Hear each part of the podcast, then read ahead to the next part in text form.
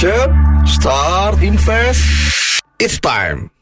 PT Krakatau Steel TBK ataupun kode saham keras eh, ini adalah uh, emiten yang sedang rame-ramenya diperbincangkan oleh para investor dan sahamnya juga sudah mulai turning point dari sebelumnya terus mengalami declining tapi sekarang sudah mulai ada signal membalikan arah. Ada apa ya?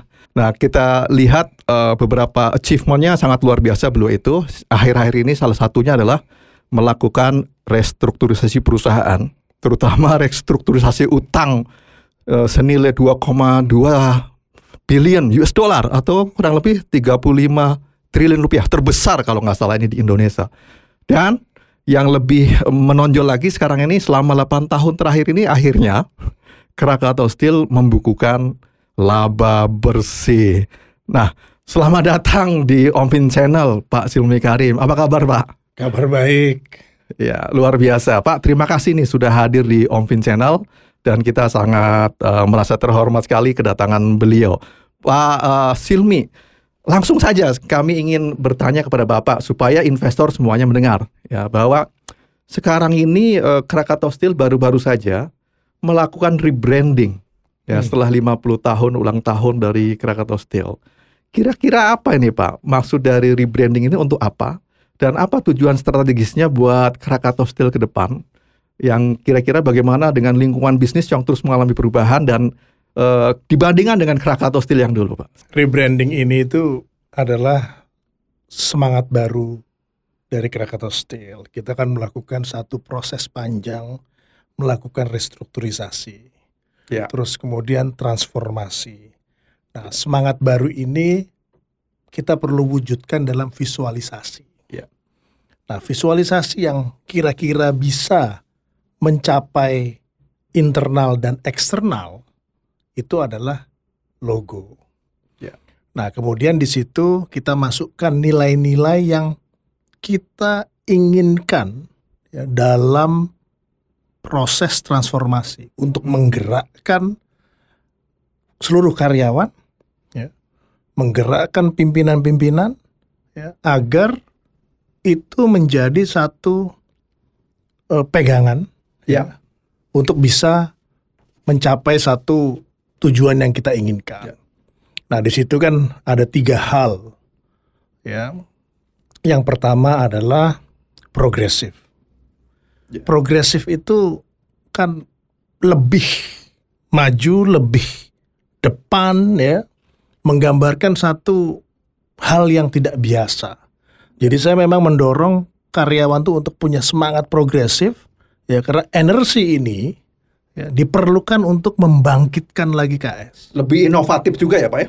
Ya, masuk ke di situ ada inovasinya, kemudian kreativitinya, pokoknya lebih maju. Ya. Kemudian kolaboratif. Kolaboratif itu baik di internal maupun eksternal. Hmm Okay. Di masing-masing divisi, bagian, direktorat ini harus bisa berkolaborasi. Ya, yang tadinya misalnya sendiri-sendiri saat ini merupakan satu bagian satu kolektif besar daripada betul, individu betul. di Krakatau Steel.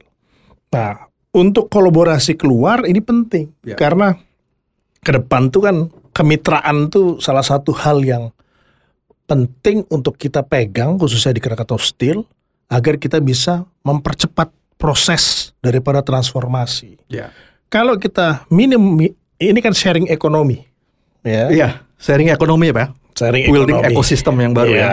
Hmm. Jadi daripada saya bikin pabrik terus kemudian perlu waktu tiga tahun, dua tahun untuk menyiapkannya.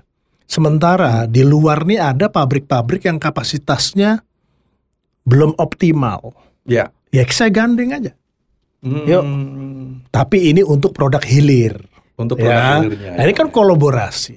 Betul, betul. Ya di dalam dan di luar. Jadi dua-duanya untung. Mitranya bisa mendapatkan utilisasi lebih baik. Ya. Ya, kemudian KS-nya mendapatkan satu kemudahan-kemudahan yang tidak diperoleh ya. kalau kita bangun sendiri.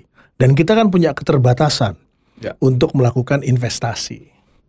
Nah, kemudian yang berikutnya adalah yang ketiga, robust. Ya.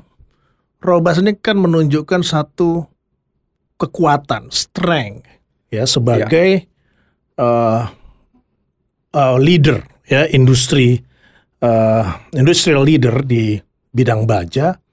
Ya, ini saya bangkitkan juga semangat dan juga kebanggaan maupun juga positioning kita. Ya, supaya mereka jangan terpikir bahwa wah rugi terus 8 tahun, kemudian uh, apa ada rasa uh, kesulitan utangnya besar. Enggak. Kita kan saya melatih fighter. Iya. Saya melatih petarung, ya. Jadi saya lebih membuat suasana kompetisi agar mereka bermental juara.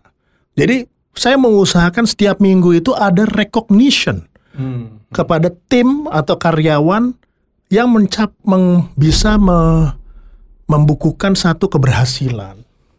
Ya. Jadi prinsipnya adalah kalau kita mau punya tim yang juara itu harus kita latih menjadi juara. Nah, tadi yang ditanyakan kaitan dengan rebranding ini salah satunya tujuannya itu.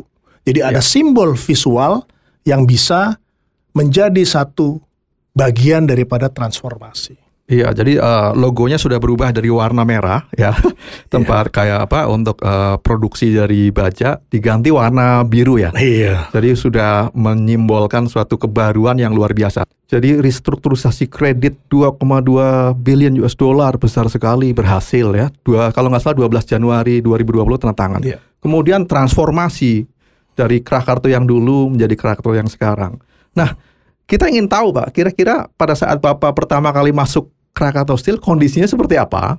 Dan kemudian begitu Bapak masuk eh, akan dibuat menjadi seperti apa? Lebih jelas lagi Pak. Kalau ketika saya bergabung kan sebagian besar udah tahu ya hutang besar, kemudian juga import tinggi, ya. Iya. Terus kemudian juga rugi selama sekian tahun dan lain sebagainya.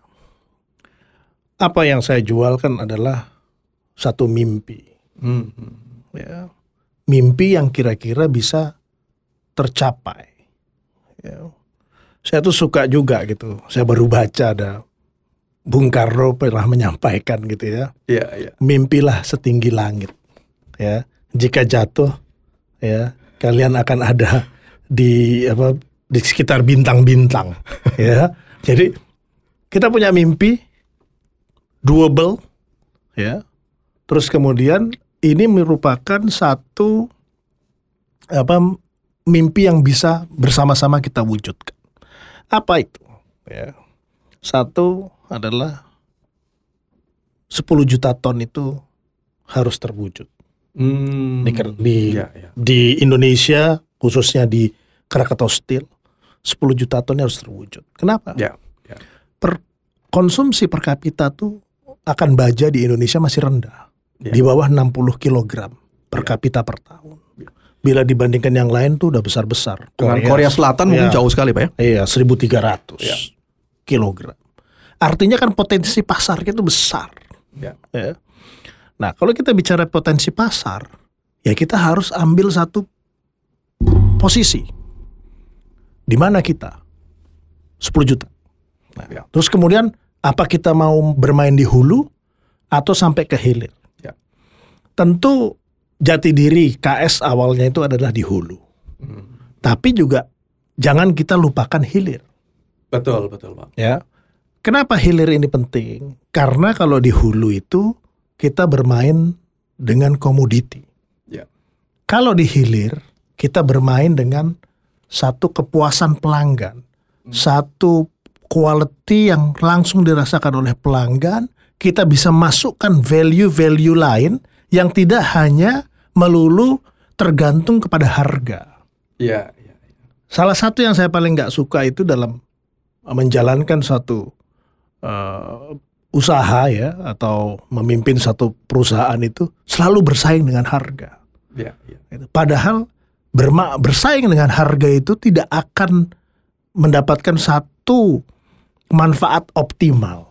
Hmm. Kita harus memberikan satu added value sehingga harga itu menjadi irrelevant. Ya. kan bisa dengan servisnya, pelayanannya dan lain sebagainya. Nah ini yang lagi kita bangun, tetapi wujudnya seperti apa? Salah satunya yang saya akan kembangkan selain hilir itu adalah saya bikin platform digital ya untuk baja.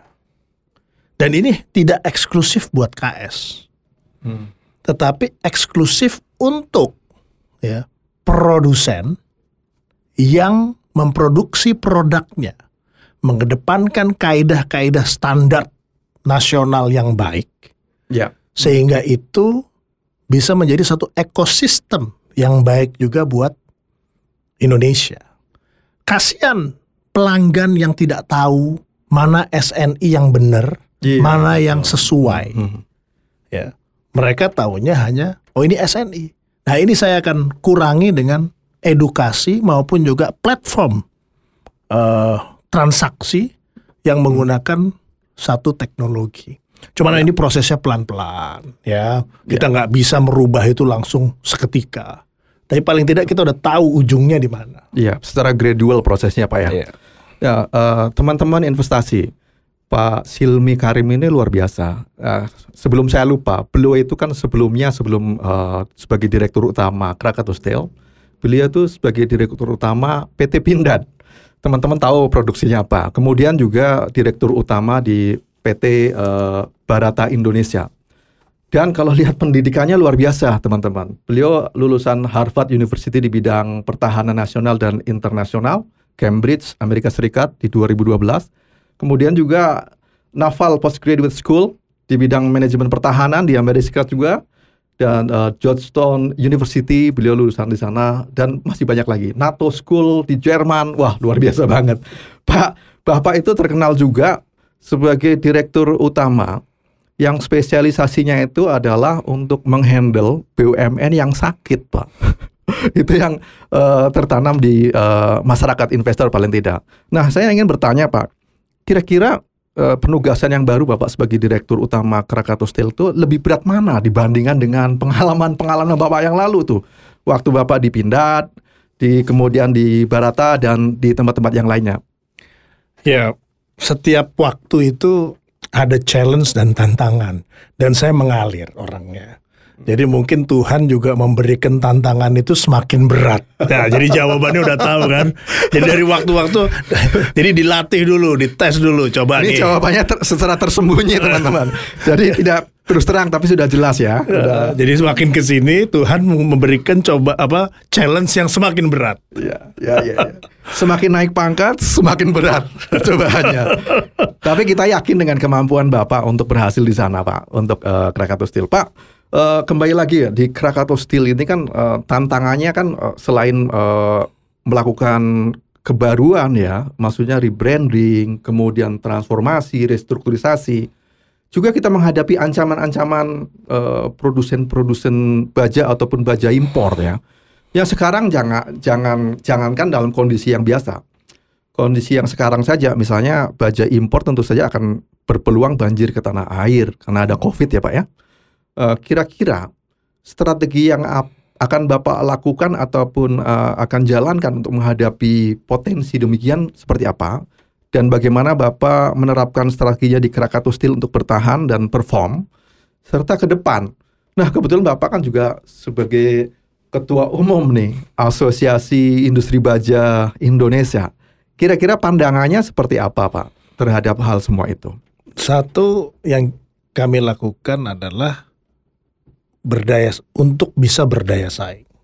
Di sektor baja di hulu untuk bisa berdaya saing artinya cost productionnya harus kompetitif. Ya, Sehingga kalau dilihat ya dari struktur eh, cost kita kalau dibandingkan itu jauh berkurang saat ini. Dari 35 juta US dollar per bulan menjadi sekitar 15 juta US dollar per separuhnya, Pak ya? Lebih dari Lebih separuh. dari separuhnya. Jadi kita lakukan restrukturisasi, extreme cost cutting ya sehingga KS lebih kompetitif. Ya, Nah, dari situ baru kita bisa berdaya, punya daya saing Ya, mau main harga, oke, walaupun saya nggak suka. mau main kualitas, tentu orang udah tahu kualitas KS. Kita Ya. punya uh, apa track record yang baik. Terus kemudian mau bermain inovasi, kita nggak kalah. Mau bermain di market, kita pingin yang terdepan. Ya. Sehingga saya nggak begitu khawatir kalau kaitan dengan market. Yang saya khawatir adalah kaitan dengan level playing field. Hmm, ya, ya, Jadi- ya, betul betul. Ada ya negara-negara yang memang memberikan subsidi kepada produsen industri ya salah satunya adalah industri baja. Sehingga produk yang diekspor dari negara tersebut Ya. masuk ke Indonesia jatuhnya menjadi lebih murah. Hmm, Nah, ini tidak fair. Ya. Nah, untuk merespon ketidakfairan ini tentu ada pemerintah yang masuk. betul betul Pak. Nah, di sini memang peran pemerintah sangat besar.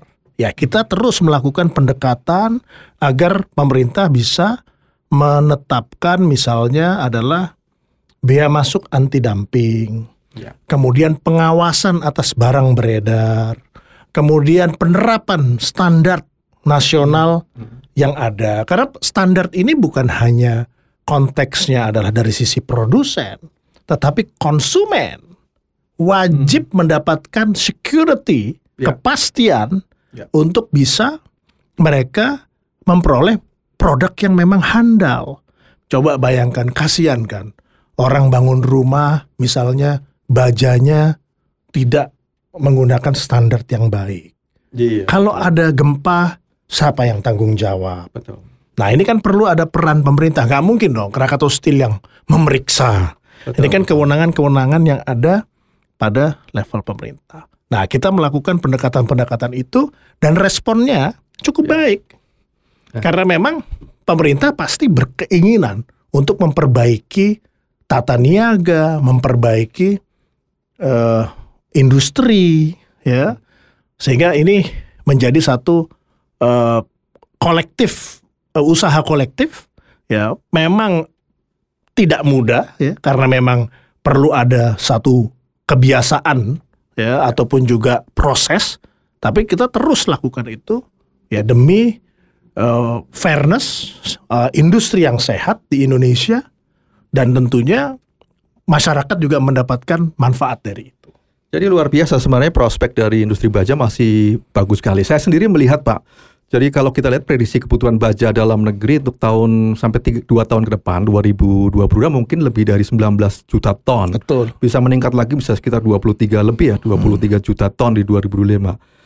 Tapi eh, ada mispersepsi dari masyarakat. Jadi eh, terutama masyarakat investor yang bertanya juga kepada Om Vin. Eh, Om Vin, eh, bukankah industri baja itu industri sunset? Nah, nah kita ingin mendengarkan langsung Pak supaya lebih confident nih investor bahwa apakah betul bahwa industri baja itu eh, sunset atau jangan-jangan malah prospektif gitu. Silakan Pak. Jadi gini, melihat industri itu dilihat dari sisi strategis atau tidaknya terhadap uh, national interest. Baja itu adalah mother of industry. Ya. Competitiveness daripada satu industri di suatu negara tergantung kepada industri baja. Betul. Nah, kemudian kita paham bahwa semua negara besar ya, memiliki industri baja yang kuat. Amerika, China, Rusia, Inggris, Iya. Jerman, ya, Korea, sama Jepang. Iya. Mereka punya industri baja yang besar dan kuat. Hmm. Lihat industrinya maju berkembang. Betul Pak, itu. Ya. Kita lihat. Kemudian kita belum lagi menghubungkan dengan kedaulatan nasional. Ya. Masa kita perang tidak punya baja misalnya, ya kita mau ganti pakai apa? Ya, sehingga ini adalah hal yang strategis. Nah, untuk hal yang strategis itu pasti akan mendapatkan satu perhatian. Ya. Nah, perhatian dari mana? Ya, dari negara, Ya. kemudian juga dari banyak sisi baja itu penting. Kemudian kalau kita melihat lagi faktor strategis yang lain, ya, baja itu juga bukan hanya mempengaruhi dalam konteks industri. Jadi ada orang menyampaikan seperti ini. Kalau mau lihat satu negara industrinya maju atau tidak, infrastrukturnya maju atau tidak, lihat dari konsumsi per kapita. Dari baja. konsumsi per kapita untuk Iya. baja ya. Nah, kalau in, kalau kita akan bangun nih infrastruktur, ya, ambil contoh misalnya bukan hanya tol, tetapi jembatan-jembatan. Kalau perlu sampai jembatan apa Selat Sunda, ya. Ya. Kemudian industrinya otomotif, industri perkapalan Indonesia negara maritim. Kebutuhan baja di Indonesia itu dengan mudah itu naik dua kali lipatnya dengan mudah. Iya, iya, iya. Jadi sekarang industri defense ya pertahanan butuh baja. Kemudian industri-industri sampai rumah Sampai tangga, industri rumah tangga betul Pak. Iya. Itu kan uh, demand-nya luar biasa besar. ya. kulkasnya perlu baja, Iya. ya.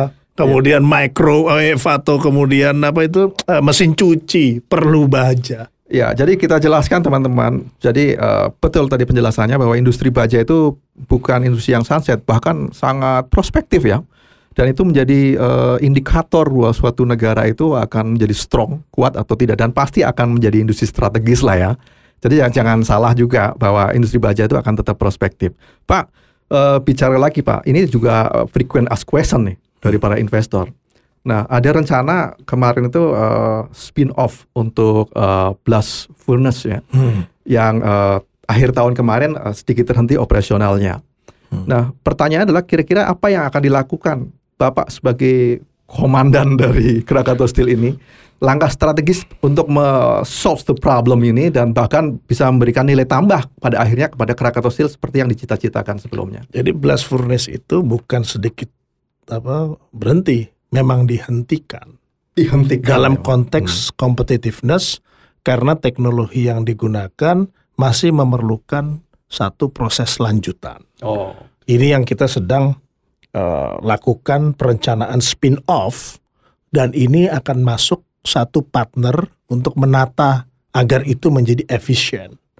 Saya sudah lihat bagaimana eh, studinya ya, studi awal sekarang lagi kita masuk ke studi lanjutan itu cukup efisien. Apa Bapak tidak ada misalnya eh, untuk mengundang investor baru atau mungkin eh, inisiatif joint venture sudah dilakukan Pak? Iya. Oh. Jadi kita memang pertama mengirimkan kepada partner-partner kita existing. Ya, berminat nggak nih? Kita punya iron steel making, ya, ya tentu dengan kelebihan dan kekurangannya kita tawarkan.